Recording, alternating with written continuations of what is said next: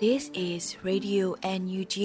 the voice of National Unity Government of Myanmar, broadcasting for Myanmar Spring Revolution. Radio NUG is transmitting from shortwave 16 meter 17.79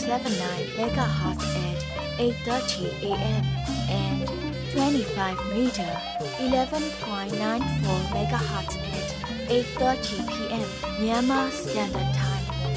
မင်္ဂလာပါရှင်။အမျိုးသားညီညွတ်ရေးအစိုးရရဲ့အတန်လွတ်ဌာန Radio NUG ကိုမန္တပိုင်း၈နိုင်ခွဲမှာလိုင်းတူ6မီတာ19.3ခွန်ကုန်းမဂါဟတ်စ်နဲ့ညပိုင်း၈နိုင်ခွဲမှာလိုင်းတူ25မီတာ17.3ကိုလီမဂါဟတ်စ်တို့မှာဓာတ်ရိုက်ဖမ်းယူနားဆင်နိုင်ပါပြီရှင်။မင်္ဂလာအပေါင်းနဲ့ပြည့်စုံကြပါစေ။အခုချိန်ကစပြီး Radio NUG စီစဉ်လေးကိုဓာတ်ရိုက်အတန်လွှင့်ပေးနေပါပြီ။ မြန်မာနိုင်ငံသူနိုင်ငံသားအပေါင်းတဘာဝပေးဆရာနာရှင်ဘေးတို့ကနေကင်းဝေးပြီးကိုစိတ်နှပါဘေးကင်းလုံခြုံကြပါစေလို့ရေဒီယိုအန်ယူဂျီဖွယ်သားများကနေဆုတောင်းမြတ်တာပို့သလာရပါတယ်ရှင်။အခုချိန်ကစပြီးရေဒီယိုအန်ယူဂျီရဲ့စီးရီးသတင်းကောင်းနှုတ်ချက်တွေကိုတော့ရန်နိုင်မှဖတ်ကြားတင်ပြပေးပါတော့မယ်ရှင်။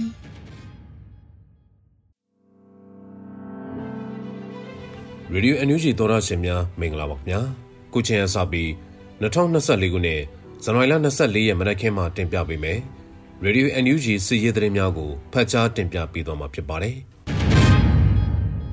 ပထမဆုံးတင်ဆက်ပေးခြင်းတဲ့စီးရဲသတင်းကတော့မတူပီနဲ့ပလောဝမြို့နယ်မှာဖြစ်ခဲ့တဲ့တိုက်ပွဲမှာစစ်ကောင်စီတပ်ဖွဲ့ဝင်10ဦးသေဆုံးပြီးစစ်တပ်ကဆေးရုံဖျက်ဆီးတယ်ဆိုတဲ့သတင်းကိုတင်ဆက်ပေးကြပါမယ်။ချင်းပြည်နယ်မတူပီမြို့နယ်ပလောဝမြို့နယ်မှာဖြစ်ခဲ့တဲ့တိုက်ပွဲမှာစစ်ကောင်စီတပ်ဖွဲ့ဝင်10ဦးသေဆုံးခဲ့ပြီး စစ်တပ်ကပြည်သူ့စေယုံတွင်းမှာရှိတဲ့ဆေးဝါးတွေကိုမီးရှို့ဖျက်ဆီးသွားတယ်လို့ CDF မတူပီကထုတ်ပြန်ပါတယ်။ပလောဝမြို့နယ်စမီးမြို့ကနေမတူပီမှာရှိတဲ့304တပ်ရင်းကိုထွက်ပြေးလာတဲ့စစ်ကောင်စီတပ်ဖွဲ့ကို CDF နဲ့ CNA ပူးပေါင်းတပ်တွေကတိုက်ခတ်ခဲ့ရမှာဇန်နဝါရီလ20ရက်နေ့ကနေ22ရက်ထိတိုက်ပွဲတွေဖြစ်ခဲ့တာလို့သိရပါတယ်။ဇန်နဝါရီလ20ရက်နေ့ကပလောဝမြို့နယ်ပန်လုံကျေးရွာနီးကကပင်းချောင်းမှာပလောဝနဲ့စမီးတို့ကထွက်ပြေးလာတဲ့ အကြမ်းဖက်စစ်ကောင်စီတပ်ဖွဲ့နဲ့ CDF မတူပီနဲ့မဟာမိတ် CDF ပလောဝ CNA တို့ထိတွေ့တိုက်ပွဲဖြစ်ပွားခဲ့ပြီးစစ်သား3ဦးသေဆုံးက9ဦးခန့်ဒဏ်ရာရသွားတယ်လို့ဆိုပါတယ်။ဇန်နဝါရီလ22ရက်နေ့မနက်ပိုင်းမှာလည်းမတူပီမြို့နယ်စံတက်ရွာမှာဒုတိယကြိမ်ထိတွေ့တိုက်ပွဲဖြစ်ခဲ့ပြီးစစ်ကောင်စီတပ်ဖွဲ့ဝင်9ဦးသေဆုံးက CDF မတူပီနဲ့မဟာမိတ်တပ်ဖွဲ့တွေဘက်ကထိခိုက်မှုမရှိခဲ့ဘူးလို့သိရပါတယ်။တိုက်ပွဲတွင်ထိခိုက်ကြဆုံးမှုများသွားတဲ့အကြမ်းဖက်စစ်ကောင်စီတပ်ဖွဲ့ဟာ စံတက်ကြီးရွာကပြည်သူ့ဆေးရုံကိုဖျက်ဆီးပြီးဆေးရုံအတွင်းမှာရှိတဲ့ဆေးဝါးတွေနဲ့မိစက်များပါဝင်စိုက်ကယ်တွေကိုပါမီးရှို့ဖျက်ဆီးခဲ့တယ်လို့အသိပေးထားပါတယ်။ဒါပြင်ဇန်နဝါရီလ22ရက်မှာလည်းအကြမ်းဖက်စစ်ကောင်စီတပ်ဖွဲ့ကအနီးအနားမှာရှိတဲ့စစ်ပေးချောင်းပြည်သူအမျိုးသား3ဦးနဲ့အမျိုးသမီး9ဦးကိုဖမ်းဆီးခဲ့ပြီးဇန်နဝါရီလ23ရက်မှာပြန်လွှတ်ပေးခဲ့ပေမယ့်အမျိုးသားတွေဟာလက်ရှိအချိန်ထိနေရက်ကိုပြန်မရောက်လာသေးဘူးလို့လည်းသိရပါတယ်။လက်ရှိမှာ CDF မတူပီနဲ့အတူ မဟာမိတ်တပ်တွေဖြစ်တဲ့ CDF ပလဝ CNA တို့အပြင်စစ်ကူရောက်လာတဲ့ CDF ဒိုင်တို့ဟာထွက်ပြေးလာတဲ့အကြမ်းဖက်စစ်ကောင်စီတပ်ကိုဆက်လက်တိုက်ခိုက်နေတယ်လို့ထုတ်ပြန်ထားပါတယ်ခင်ဗျာအခုတခါ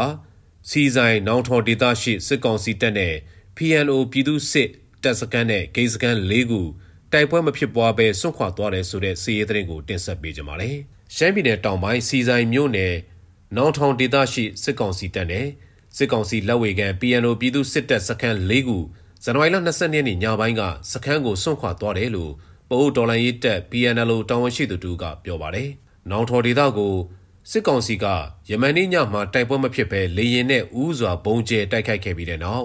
ညပိုင်းမှာပဲဒေတာတွင်စစ်ကောင်စီနဲ့၎င်းတို့လက်အောက်ခံ PNO တို့စခန်းကိုစုတ်ခွာသွားတာဖြစ်တယ်လို့သူကဆိုပါတယ်။တိုက်ပွဲမဖြစ်ရဘူး။သူတို့ဘာသာသူတို့မနေ့ညကလေရင်နဲ့ဘုံလာကျဲသွားတာ ကျွန်တော်တို့ဘာမှမလုပ်ရဘဲနဲ့သူတို့ဘာသာသူတို့မနေ့ညကညနဲ့တကောင်ချိန်မှာစုတ်ခွာသွားတယ်လို့သိရပါတယ်ဒီမနေ့ကျတော့လူမတွေ့တော့ဘူးစခန်းကအဲ့ဒီနောင်ထုံရွာအနီးတစ်ဝိုက်မှာရှိတဲ့စခန်းတစ်ခုကသူတို့စုတ်ခွာသွားတယ်နောက်ပြီးသူတို့စစ်ဆေးရေးဂိတ်စစ်ကောင်စီစစ်ဆေးရေးဂိတ်နဲ့ PNO စစ်ဆေးရေးဂိတ်လည်းစုတ်ခွာသွားတယ်ဘာကြောင့်စုတ်ခွာသွားလဲကျွန်တော်တို့မသိရဘူးလင်းရင်လာဖြစ်ပြီးတဲ့နောက်ပိုင်းမှာသူတို့ကအဲ့ဒီလိုမျိုးစုတ်ခွာသွားတာလို့ PNL တာဝန်ရှိသူတူကပြောပါတယ်အဲ့ဒီလေးချောင်းတိုက်ခတ်မှုကြောင့်စစ်ဆောင်အချို့ထိခိုက်သေးဆုံးမှုရှိခဲ့ပြီး အသေးစိတ်အခြေအနေကိုမသိရသေးဘူးလို့၎င်းကဆက်ပြောပါတယ်။ယခုနောင်ထော်ရွာဖြစ်စဉ်မဖြစ်ခင်ဇန်နဝါရီလ20ရက်နေ့ကဟိုဘုံမြို့နယ်စံဖူးရွာမှာ PNL လက်အောက်ခံ PNL တပ်ကလက်နက်များသဲလာစဉ်စစ်ကောင်စီနဲ့ PNO တပ်များကကြားပြတ်တိုက်ခိုက်ခဲ့တာကြောင့် PNL ရင်တန်းမိလောင်ပျက်စီးခဲ့ပြီးလက်နက်များလည်းထိခိုက်မှုရှိခဲ့ပါတယ်။အဲဒီလက်နက်တွေဟာကီနီဒေတာတော်လိုင်းတပ်ဖွဲ့များအတွက် PNL ကတဲဆောင်ပေးခြင်းဖြစ်ကြောင်းစစ်ကောင်စီဘက်ကပြောဆိုမှုများရှိနေပေမဲ့ PNL ဒုဥက္ကဋ္ဌခွန်ထွန်းတင်ကဖြစ်စဉ်အသေးစိတ်မသိသေးဘူးလို့ပြောပါတယ်။အဲဒီဖြစ်စဉ်ပြီးဂျပန်တွင်နောင်ထွန်ဒေတာရှိစစ်ကောင်စီတပ်စခန်းများဆွန့်ခွာခြင်းလေကြောင်းတိုက်ခိုက်ခြင်းများကိုလှုံ့ဆော်လာတာဖြစ်ပါတယ်ခင်ဗျာ။အခုဆက်လက်ပြီးပေါခေါင်းနဲ့ပေါင်းတယ်မှာစစ်ကောင်စီစခန်းနဲ့စစ်ကြောင်းကိုတိုက်ခတ်မှု၃ဦးသေဆုံးပြီး၄ဦးထဏ်ရတော့တဲ့ဆိုတဲ့သတင်းကိုလည်းတင်ဆက်ပေးပါမယ်။ပဲခူးတိုင်းပြည်ခဲပေါခေါင်းမြို့နယ်နဲ့ပေါင်းတယ်မြို့နယ်ကစစ်ကောင်စီစခန်းနဲ့စစ်ကြောင်းကို ပြည်သူ့ကာကွယ်ရေးဖွဲ့တွေတိုက်ခတ်ခဲ့ရမှာစစ်ကောင်စီတပ်ဖွဲ့ဝင်3ဦးသေဆုံးပြီး4ဦးဒဏ်ရာရသွားတယ်လို့ပဲခူး Region PDF ကထုတ်ပြန်ထားပါတယ်။ပေါခေါင်းမြို့နယ်မှာရှိတဲ့ခရိုင်ချင်းဆက်လမ်းပေါ်ကစစ်ကောင်စီရဲ့ချင်းလန်ကပတ်ကုန်းဂိတ်စခန်းကိုဇန်နဝါရီလ22ရက်နေ့မနက်4နာရီချိန်ခန့်မှာပြည်ခိုင်တပ်ရင်း3631 PPTF တပ်ခွဲ2အေယာညီနောင်စစ်ကြောင်းကတွားရောက်တိုက်ခိုက်ခဲ့ရမှာစစ်သား3ဦးသေဆုံးပြီး4ဦးဒဏ်ရာရသွားတယ်လို့ဆိုပါတယ်။ထိခိုက်သေဆုံးသွားတဲ့စစ်ကောင်စီတပ်ဖွဲ့ဝင်တွေကို မနက်မိုးမလင်းကံမှာပဲစိုက်ကဲနှစ်စီးကားတစ်စီးနဲ့လာရောက်တဲဆောင်ပြီးပေါက်ခေါင်းဘက်ကိုတဲသွားတယ်လို့သိရပါတယ်။စစ်ကောင်စီဘက်ကလက်နက်ကြီးလက်နက်ငယ်တွေနဲ့ပြန်လည်ပစ်ခတ်တာတွေရှိခဲ့ပေမဲ့အေယာညီနောင်စစ်ကြောင်းကရဲဘော်တွေထိခိုက်မှုမရှိဘူးလို့ပြောပါတယ်။အလားတူပြည်ခိုင်တပ်ရင်း3631 PPTF စနိုက်ပါဖွဲ့ကလည်းဇန်နဝါရီလ22ရက်နေ့မနက်9:00နာရီခွဲအချိန်ခန့်မှာပေါင်းတယ်မြို့နယ်ဂွေးတော့ကွင်းရွာကထွက်လာတဲ့အင်အား90ပါစစ်ကောင်စီစစ်ကြောင်းကိုပစ်ခတ်တိုက်ခိုက်ခဲ့ရမှာစစ်သားတို့ပြင်းထန်ထန်ရရှိခဲ့ပြီး ထန်းစင်နဲ့လက်ပံကုံရွာကိုတည်သွားတယ်လို့ပဲခူး Region PDF ကထုတ်ပြန်ထားပါတယ်ခင်ဗျာအခုတခါပခုတ်ကူနယ်အရှိဖုံးကန်ရွာမှာတက်ဆွဲထားတဲ့စစ်ကောင်စီစခန်းကိုတိုက်ခိုက်မှုမှာ9ဦးဒဏ်ရာရသွားတယ်ဆိုတဲ့စစ်ရေးသတင်းကိုလည်းတင်ဆက်ပေးပါမယ်။မကွေးတိုင်းပခုတ်ကူမြို့နယ်အရှိဖုံးကန်ကြီးရွာမှာအထိုင်ချတက်ဆွဲနေတဲ့စစ်ကောင်စီစခန်းကို drone နဲ့ဘုံကျဲတိုက်ခိုက်ခဲ့ရမှာ9ဦးဒဏ်ရာရသွားတယ်လို့ Super Fight PDF ကထုတ်ပြန်ပါတယ်။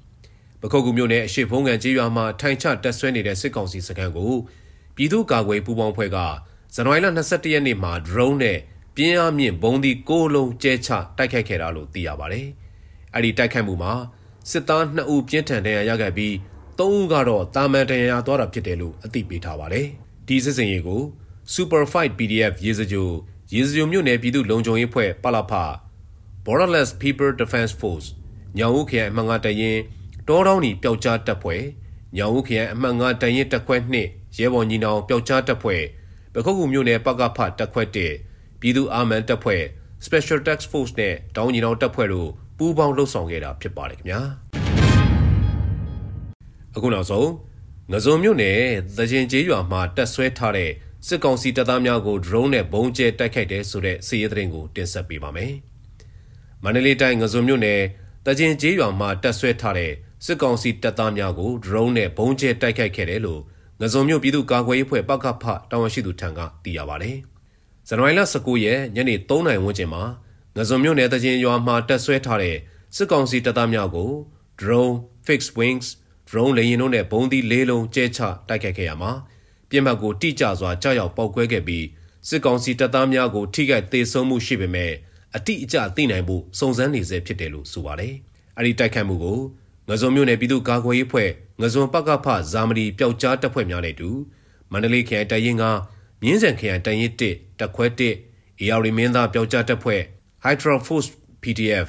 ငဇုံပကဖဖွဲ့များဖြစ်တဲ့ရွှေကြိုးပြူပျောက်ကြားအဖွဲ့95ပျောက်ကြားအဖွဲ့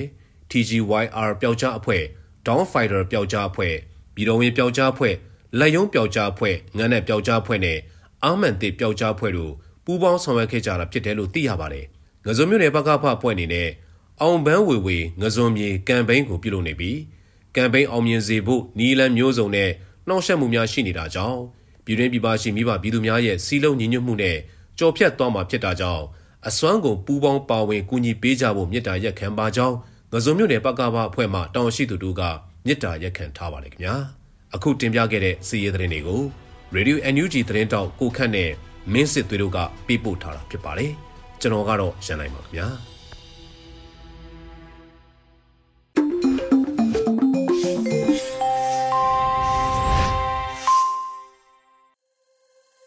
ရေရေဒီယိုညူချီရဲ့မနက်ခင်းစီစဉ်တွေကိုဆက်လက်တင်ပြနေပါတယ်။အခုဆက်လက်ပြီးနားဆင်ကြရမှာကတော့ပြည်တွင်းသတင်းများကိုຫນွေဦးနိုင်ကဖတ်ကြားတင်ပြပေးပါတော့မယ်ရှင်။ မင်္ဂလာပါခင်ဗျာ2024ခုနှစ်ဇန်နဝါရီလ24ရက်နေ့မနက်ခင်းရေဒီယို NUG ပြည်တွင်းသတင်းများကိုတင်ပြပေးပါတော့မယ်ကျွန်တော်ကတော့ຫນွေဦးနိုင်ပါခင်ဗျာအခုပထမဆုံးတစ်ပုတ်အနေနဲ့ဂျာကာလာဒေသန္တရပြည်သူ့အုပ်ချုပ်ရေးဖော်ဆောင်မှုဘိုးကော်မတီနဲ့ရန်ကုန်တိုင်းရှိမြို့နယ်ပြည်သူ့အုပ်ချုပ်ရေးအဖွဲ့များတွဲဆောင်ဆွေးနွေးပွဲကျင်းပပြုလုပ်တဲ့တဲ့တင်ကိုတင်ပြပေးပါမယ်အမျိုးသားညီညွတ်ရေးအစိုးရဂျာကာလာဒေသန္တရပြည်သူ့အုပ်ချုပ်ရေးဖော်ဆောင်မှုဘိုးကော်မတီနဲ့ရန်ကုန်တိုင်းမှမြို့နယ်ပြည်သူ့အုပ်ချုပ်ရေးအဖွဲ့များတွဲဆောင်ဆွေးနွေးပွဲအစည်းအဝေး နှစ်မြင်းဆောင်2024ကိုဇန်နဝါရီလ23ရက်နေ့နေ့လယ်တနာရီအချိန်မှာကျင်းပပြုလုပ်ခဲ့ပါတယ်။အစည်းအဝေးမှာဂျာကာလာဒေသန္တရပြည်သူ့အုပ်ချုပ်ရေးဖော်ဆောင်မှုဘိုးကော်မတီအတွင်းရေးမှူးအဖွဲ့ဝင်ပြည်တော်စုဝန်ကြီးချုပ်ယုံအမြဲတမ်းအတွင်းဝန်မှအဖွဲ့မှစကားပြောကြားခဲ့ပါတယ်။ဆက်လက်ပြီးမြို့နယ်ပြည်သူ့အုပ်ချုပ်ရေးအဖွဲ့ဝင်များမှမူဝါဒလမ်းညွှန်ချက်များလုပ်ငန်းဆောင်ရွက်ချက်များမြေပြင်အခက်အခဲများနဲ့ပတ်သက်လို့သိရှိလိုတာတွေကိုဆွေးနွေးခဲ့ကြရာဝန်ကြီးဌာနအသီးသီးမှတာဝန်ရှိသူများကပြန်လည်ဖြေကြားပေးခဲ့ကြပါတယ်။ ဆိုပါတွေ့ဆုံပွဲကိုအမြဲတမ်းအတွင်းဝန်များတွဲဘက်အမြဲတမ်းအတွင်းဝန်များဌာနဆိုင်ရာများမှတာဝန်ရှိသူများနဲ့ရန်ကုန်တိုင်းမှမြို့နယ်ပြည်သူ့အုပ်ချုပ်ရေးအဖွဲ့ဝင်များတက်ရောက်ခဲ့ကြကအစည်းအဝေးကိုနေ့လယ်2နာရီအချိန်မှာရန်နာခဲ့တယ်လို့သိရပါတယ်ခင်ဗျာပြည်သူများရဲ့ထောက်ပံ့ကူညီမှုအပါအဝင်အချက်၃ချက်ကြောင့်မြို့သိမ်းစခန်းသိမ်းအောင်ပွဲများရရှိနေတာဖြစ်တယ်လို့ NUG ကာကွယ်ရေးထုတ်ပြန်တဲ့သတင်းကိုဆက်လက်တင်ပြပေးပါမယ်။စီရေးအောင်ပွဲများမြို့သိမ်းစကန်သိမ်းအောင်ပွဲများရရှိက ဆီယနာရှင်ကိုအပိသက်အနိုင်ယူနိုင်ရေးအခြေအနေကောင်းများတိစောက်ထားနိုင်ခြင်းမှာအဓိကအချက်၃ချက်ကြောင့်ဖြစ်တယ်လို့အမျိုးသားညီညွတ်ရေးအစိုးရကာကွယ်ရေးဝန်ကြီးဌာနကထုတ်ပြန်ထားပါတယ်။ပြည်သူ့ကာကွယ်ရေးတပ်မတော် PDF ပြည်သူ့ကာကွယ်ရေးအဖွဲ့ပကဖာနဲ့တော်လှန်ရေးအဖွဲ့အသီးသီးကတနိုင်ငံလုံးအထူးသဖြင့်မြေပြန့်ဒေသများမှာနှစ်နှစ်ကျော်ကြာရန်သူကိုအဆက်မပြတ်ထိုးနှက်တိုက်ခိုက်ထားမှုပြည်သူ့ဘက်မှရက်တည်တဲ့ဒိုင်းရင်သားတော်လှန်ရေးအဖွဲ့အစည်း EROS များရဲ့ ကုညီဆောင်ရွက်ပေးမှုနဲ့ပြည်သူလူထုရဲ့ကြမ်းကြမ်းခံထောက်ပံ့ကူညီပေးထားမှုတို့ကြောင့်ဖြစ်တယ်လို့ဆိုပါတယ်။ကာကွယ်ရေးဝန်ကြီးဌာနကတနိုင်ငံလုံးရဲ့စီးရေးအခြေအနေကိုအတိပေးထုတ်ပြန်ရမှာအထက်ပါအတိုင်းဖော်ပြထားတာဖြစ်ပါတယ်။2023ခုနှစ်နှစ်ကုန်ပိုင်းမှာပြည်သူတော်လှန်ရေးအလှည့်အပြောင်းအမှတ်ကိုရောက်ရှိသွားခဲ့ပြီးတော့မဟာဗျူဟာခန့်စစ်အနေအထားမှမဟာဗျူဟာထိုးစစ်အနေအထားကိုပြောင်းလဲဆင်နွှဲခဲ့က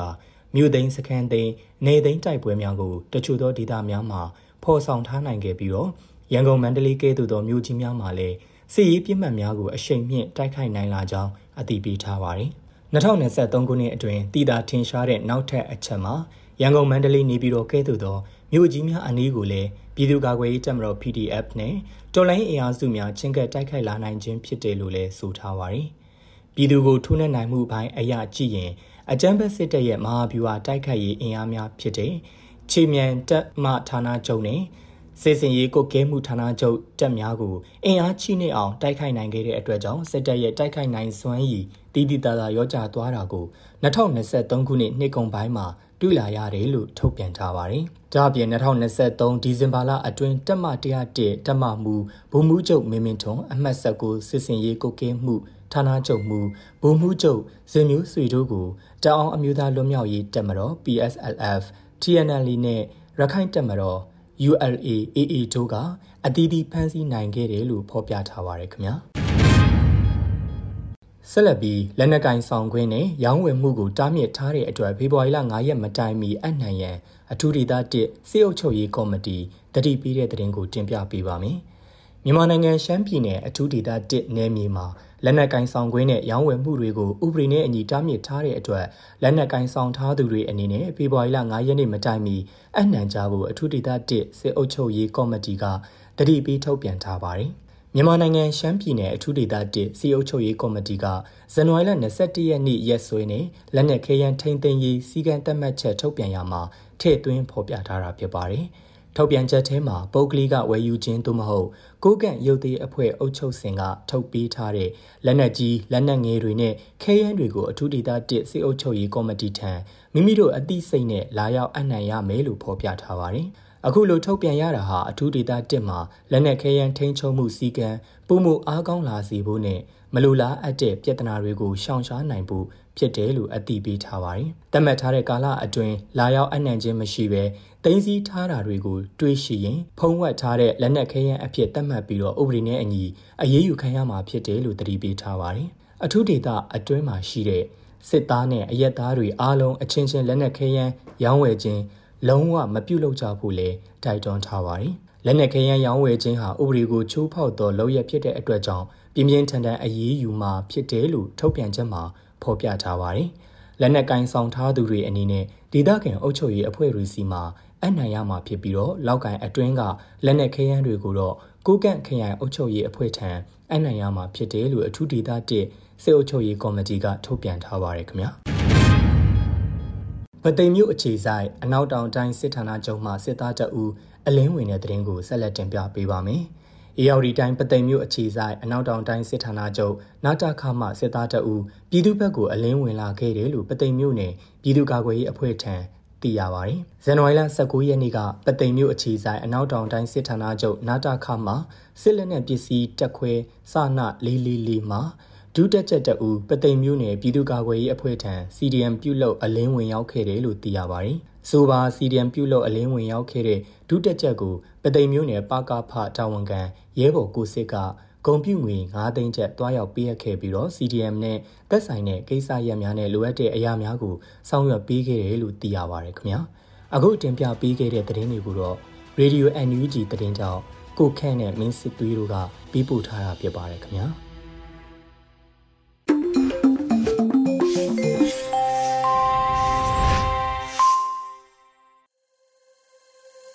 ရေဒီယိုညူချီကိုနာတော်တာဆင်နေတဲ့ပရိသတ်များရှင်အခုတစ်ခါနားဆင်ကြရမှာကတော့မကြေးမုံပေးပို့လာတဲ့စိုက်ပျိုးစည်းပွားတောင်းသူစကားတန်အစီအစဉ်မှာအကျန်းဖက်စစ်တပ်လက်ထက်မှာမီးမမှန်တာကပန်းဆိုင်တောင်သူတွေကိုပို့ပြီးအခက်တွေ့စေလို့အမိရတဲ့စိုက်ပျိုးစည်းပွားတောင်းသူစကားတန်အစီအစဉ်ကိုလွတ်လပ်နေဦးကတင်ဆက်ပေးထားပါတယ်ရှင်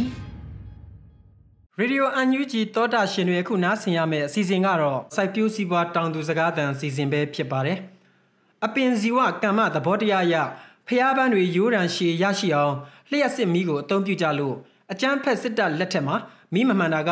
ပန်းဆိုင်တောင်သူတွေကိုပိုပြီးအခက်တွေ့စေပါတယ်။ဒီသတင်းကိုမတ်ချင်းမုံကပေးပို့ထားတာဖြစ်ပါတယ်။တနင်္ဂနွေလုံးလျှက်စစ်မီးသုံးဆွဲနိုင်တဲ့ပမာဏကလိုအပ်ချက်ရဲ့ထက်ဝက်လောက်သာအသုံးပြုနေရပေမဲ့အာနာသိန်းစစ်တပ်လက်ထက်မှာလျှက်စစ်မီးပေးနိုင်တဲ့အခြေအနေကဆိုးဆိုးရွားရွားကိုကျဆင်းလာနေပါတယ်။ မော်ဘီမြို့နယ်ကပန်းဆိုင်တောင်သူတွေမှာလျှက်စစ်မီးကိုအသုံးပြုပြီးဈေးကွက်ဝင်ပန်းကက်တွေရရှိအောင်စိုက်ပျိုးရမှာတော့မီးပုံမှန်မရရှိလို့အခက်အခဲတွေဖြစ်နေတယ်လို့မော်ဘီမြို့နယ်ကပန်းဆိုင်တောင်သူတူကဆိုပါတယ်။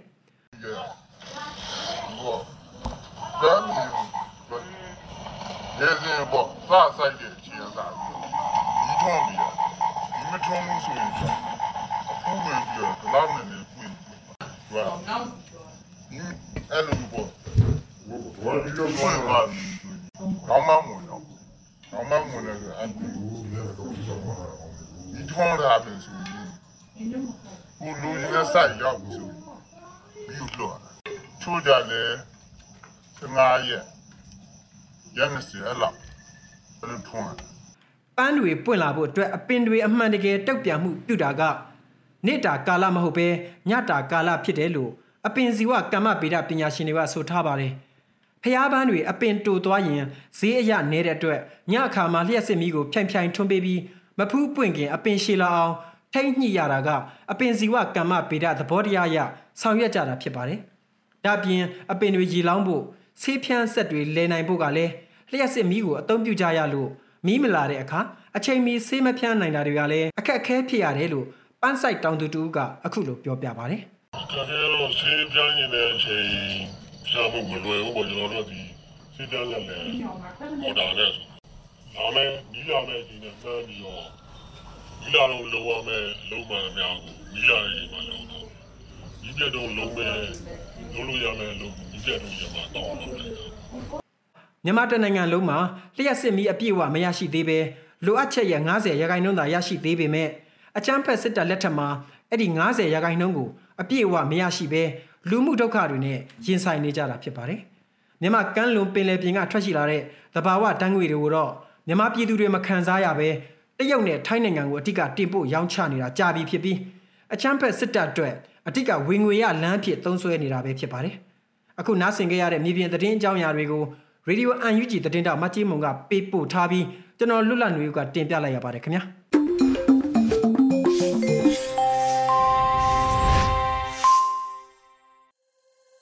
ရေဒီယိုအန်ယူဂျီရဲ့မနက်ခင်းစီစဉ်တွေကိုဆက်လက်တင်လွှင့်ပေးနေပါတယ်။အခုဆက်လက်ပြီးနားဆင်ကြရမှာကတော့တော်လှန်ရေးတိဂီတာအနေနဲ့တေရီထုံးအမ်နေတာတေးဆူ K2 ရဲ့သွေးစကားလို့အမည်ရတဲ့တော်လှန်ရေးတိဂီတာကိုနားဆင်ကြရတော့မှာဖြစ်ပါ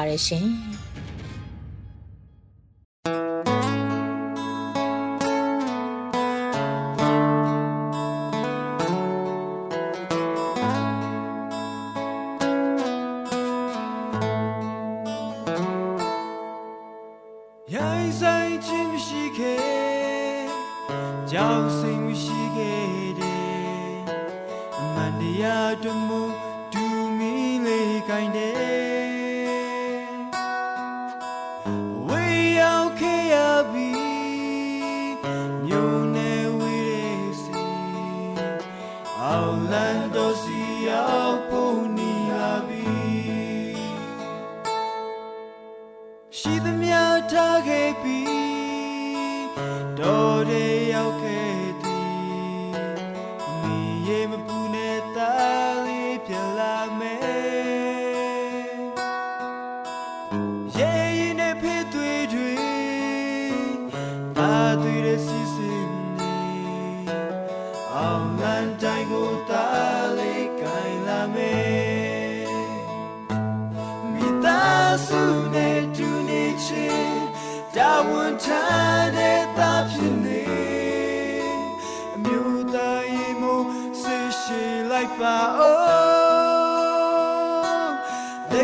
ရှင်။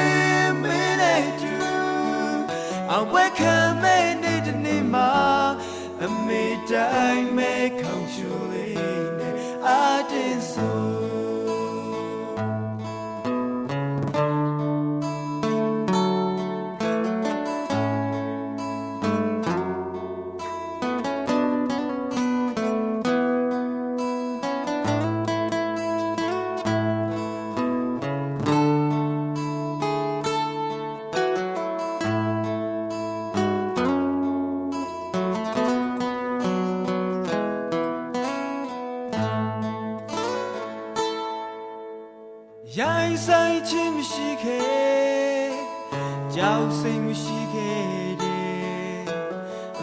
တိုင်းမဲ့ခ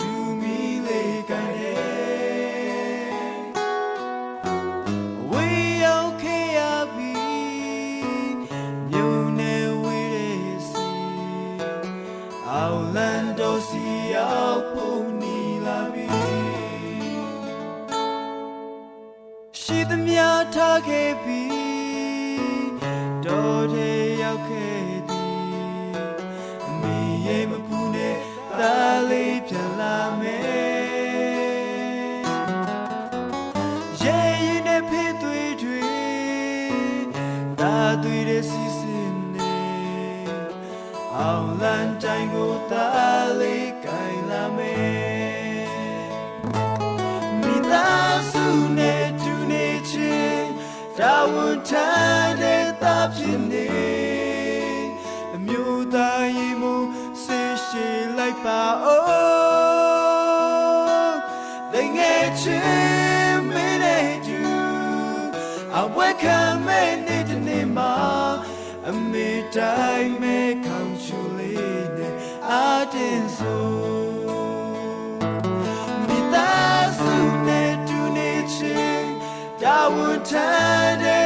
ဖြစ်နေအမျိုးသားရင်မို့ဆေးရှိလိုက်ပါအောင်တငယ်ချင်းမင်းနဲ့ကျူ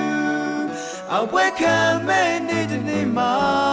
အမေတိုင်းမဲ့ခေါင်ချူလေးနဲ့အာတင်ဆို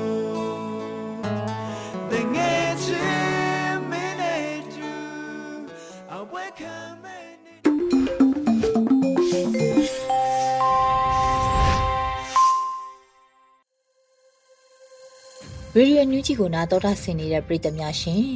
အခုနောက်ဆုံးအနေနဲ့ PPTV ရဲ့နေ့စဉ်သတင်းတွေကိုတော့နေကြီးမှဖတ်ကြားတင်ပြပေးပါရမရှင်ခုချိန်ကစပြီး PPTV သတင်းတွေကိုတင်ဆက်ပေးတော့မှာပါ ကျမနေကြီးပါရှင် ပထမဆုံးတင်ဆက်ပေးမှာကတော့အမျိုးသားညီညွတ်ရေးအစိုးရသုံးမင်းဆောင်2024အစိုးရအဖွဲ့အစည်းအဝေးပြုလုပ်တဲ့တဲ့တင်မှာ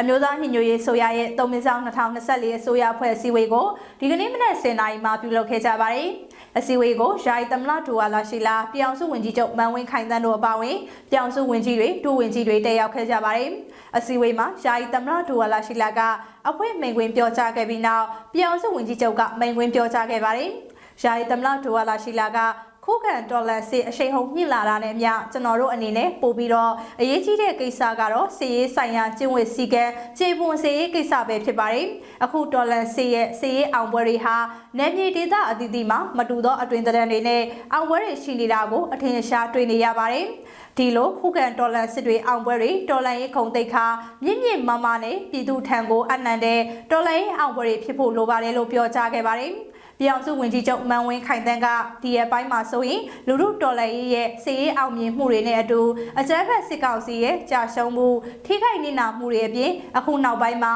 စစ်ကောင်ဆောင်တွေအချင်းချင်းချားမှာပဲအကြောင်းတွေရှိလာတဲ့သဘောတွေ့မြင်ရပါတယ်။ နိုင်ငံအနှံ့မြောက်ပိုင်းမှာအရှေ့မြောက်ပိုင်းမှာဒီအနောက်ဘက်မှာတောင်ပိုင်းဒေသတွေအထိစစ်မျက်နှာပြင်တွေကလည်းကျဲကျဲပြန့်ပြန့်ဖြစ်ပေါ်နေတာကိုတွေ့ရပါတယ်။အလဲပိုင်းစစ်ဒေသမှာတော့လက်နက်အင်အားမပြေဆုံးသည့်ကြားကပင်စစ်ကောင်စီကိုပြင်းပြင်းထန်ထန်ချိတ်ချုပ်ထားနိုင်ပြီဖြစ်ပါတယ်လို့ပြောကြားထားပါတယ်။ အစည်းအဝေးမှာလူခွင့်ရေးဆိုင်ရာဝန်ကြီးဌာနပြည်အောင်စုဝန်ကြီးဦးအောင်မျိုးမင်းက ISN Task Force ကပြန်လည်ပြင်ဆင်ပြီး Minister Media မှာသဘောထားရယူဆုံးဖြတ်ပြီးတဲ့ Military Code of Conduct ကိုအတီးပြိုးချက်ရယူတဲ့ကိစ္စကိုဆွေးနွေးခဲ့ကြပါတယ်။အဲဒီနောက်ပြည်အောင်စုဝန်ကြီးချုပ်ကတင်ပြလာတာတွေကိုပြန်လည်ရှင်းလင်းဆွေးနွေးပြီးယာယီသမ္မတကညီကုန်းချုပ်အမစကားပြောကြားကအစည်းအဝေးကိုရုပ်သိမ်းခဲ့ပါတယ်။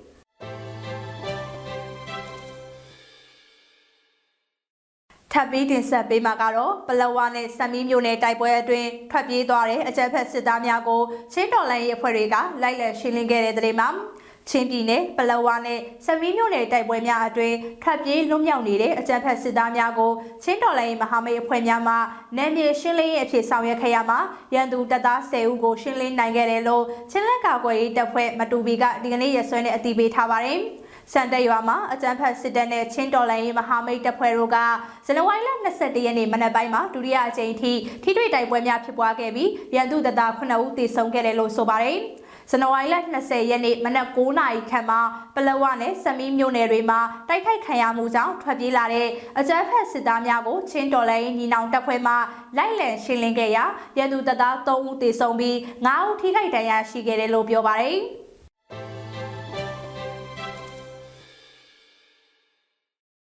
အခုနောက်ဆုံးအနေနဲ့မြန်မာနိုင်ငံတဝန်းကလူမျိုးပေါင်းစုံဘာသာပေါင်းစုံပါဝင်တဲ့ဆီယနာရှင်မြစ်ဖြတ်ချင်းမုံရင်လူလူဆန္ဒပြပွဲသတင်းတွေကိုစူးစီးတင်ဆက်ပေးမှာဖြစ်ပါတယ်။ရင်းမပင်မြို့နယ်ရဲ့နောက်ပြန်မလဲကြီးဒီဒေါ်လာတပိတ်စစ်ကြောင်းကအကြမ်းဖက်စစ်တဲ့ကြာရှုံးရေးဆန္ဒပြတပိတ်ကိုပြုလုပ်ခဲ့ကြပါတယ်။ဒေါ်လန်ပြည်သူတွေကနောက်ပြန်မလဲကြီးဒီဒေါ်လာရေးတပိတ်စစ်ကြောင်းနဲ့ဖက်စစ်တပ်ကစုခွာကြပြည်သူရင်ခွင်ခိုလုံကြဆိုတဲ့စာသားကိုကိုင်းဆွဲပြီးအကြမ်းဖက်စစ်တဲ့ကြာရှုံးရေးဟစ်ကြွေးမှုတွေနဲ့ပြုလုပ်ခဲ့ကြတာပါ။ ဇာမနီသွေးတပိတ်စစ်ကြောင်းကအကြမ်းဖက်စစ်တဲ့ကြာရှုံးရေးဆန္ဒပြတပိတ်ကိုဒီကနေ့ညတပိတ်ဖြည့်ပြုလုပ်ခဲ့ကြပါတယ်ဆန္ဒပြဒေါ်လာပြည်သူတွေကဇာမနီသွေးဒေါ်လာရေးရွှေသန်းမြေတပိတ်စစ်ကြောင်းဆိုတဲ့စာသားကိုကိုင်ဆွဲပြီးအကြမ်းဖက်စစ်တဲ့ကြာရှုံးရေးဟစ်ကြွေးမှုတွေနဲ့ချီတက်ဆန္ဒပြခဲ့ကြတာပါရင်းမပင်ဆက်လင်းကြီးရွာပေါင်းစုံတပိတ်ကအကြမ်းဖက်စစ်တပ်ကြာရှုံးရဲ့ဖြစ်1033ရက်မြောက်အဖြစ်ဆန္ဒပြတပိတ်ကိုတောင်ရလုပ်ငန်းခွင်ကပြည်သူတွေနဲ့အတူဒီကနေ့မှပြုလုပ်ခဲ့ကြပါတယ်။ ဆန္ဒပြတော်လန်ပြည်သူတွေကရွာပေါင်းဆောင်လူထုတပိတ်ဥဆောင်ကော်မတီနဲ့တော်လန်ရေးရဲ့ဆုံးဖြတ်ဟာလူထုမှတပါအချားမရှိဆိုတဲ့စာသားကိုကင်ဆယ်ပြီးအကြမ်းဖက်စစ်တပ်ကြာရှုံးရင်ဟစ်ကြွေးမှုတွေနဲ့ပြုလုပ်ခဲ့ကြတာပါဒီကနေ့ကတော့ဒီညနေပဲ Radio NUG ရဲ့အစီအစဉ်လေးကိုခေတ္တရနာလိုက်ပါမယ်ရှင်မြန်မာစံတော်ချိန်မနေ့၈နိုင်ခွဲနဲ့ည၈နိုင်ခွဲအချိန်တွေမှာပြောင်းလဲဆိုပြကြပါလို့ရှင် Radio NUG ကို မနက်ပိုင်း၈နာရီခွဲမှာလိုင်းတူ16မီတာ19တက်တမခုကူမဂါဟတ်နဲ့ညပိုင်း၈နာရီခွဲမှာလိုင်းတူ25မီတာ17တက်တမ94မဂါဟတ်တို့မှာဓာတ်ရိုက်ဖမ်းယူနာဆင်နိုင်ပါပြီရှင်မြန်မာနိုင်ငံသူနိုင်ငံသားများကိုစိတ်နှဖျားစမ်းမချမ်းသာလို့ဘေးကင်းလုံခြုံကြပါစေလို့ Radio NUG ရဲ့ဖွဲ့သူဖွဲ့သားများကဆုတောင်းလိုက်ရပါတယ်။ San Francisco Bay Area အခြေဆိုင်မြန်မာမိသားစုများနဲ့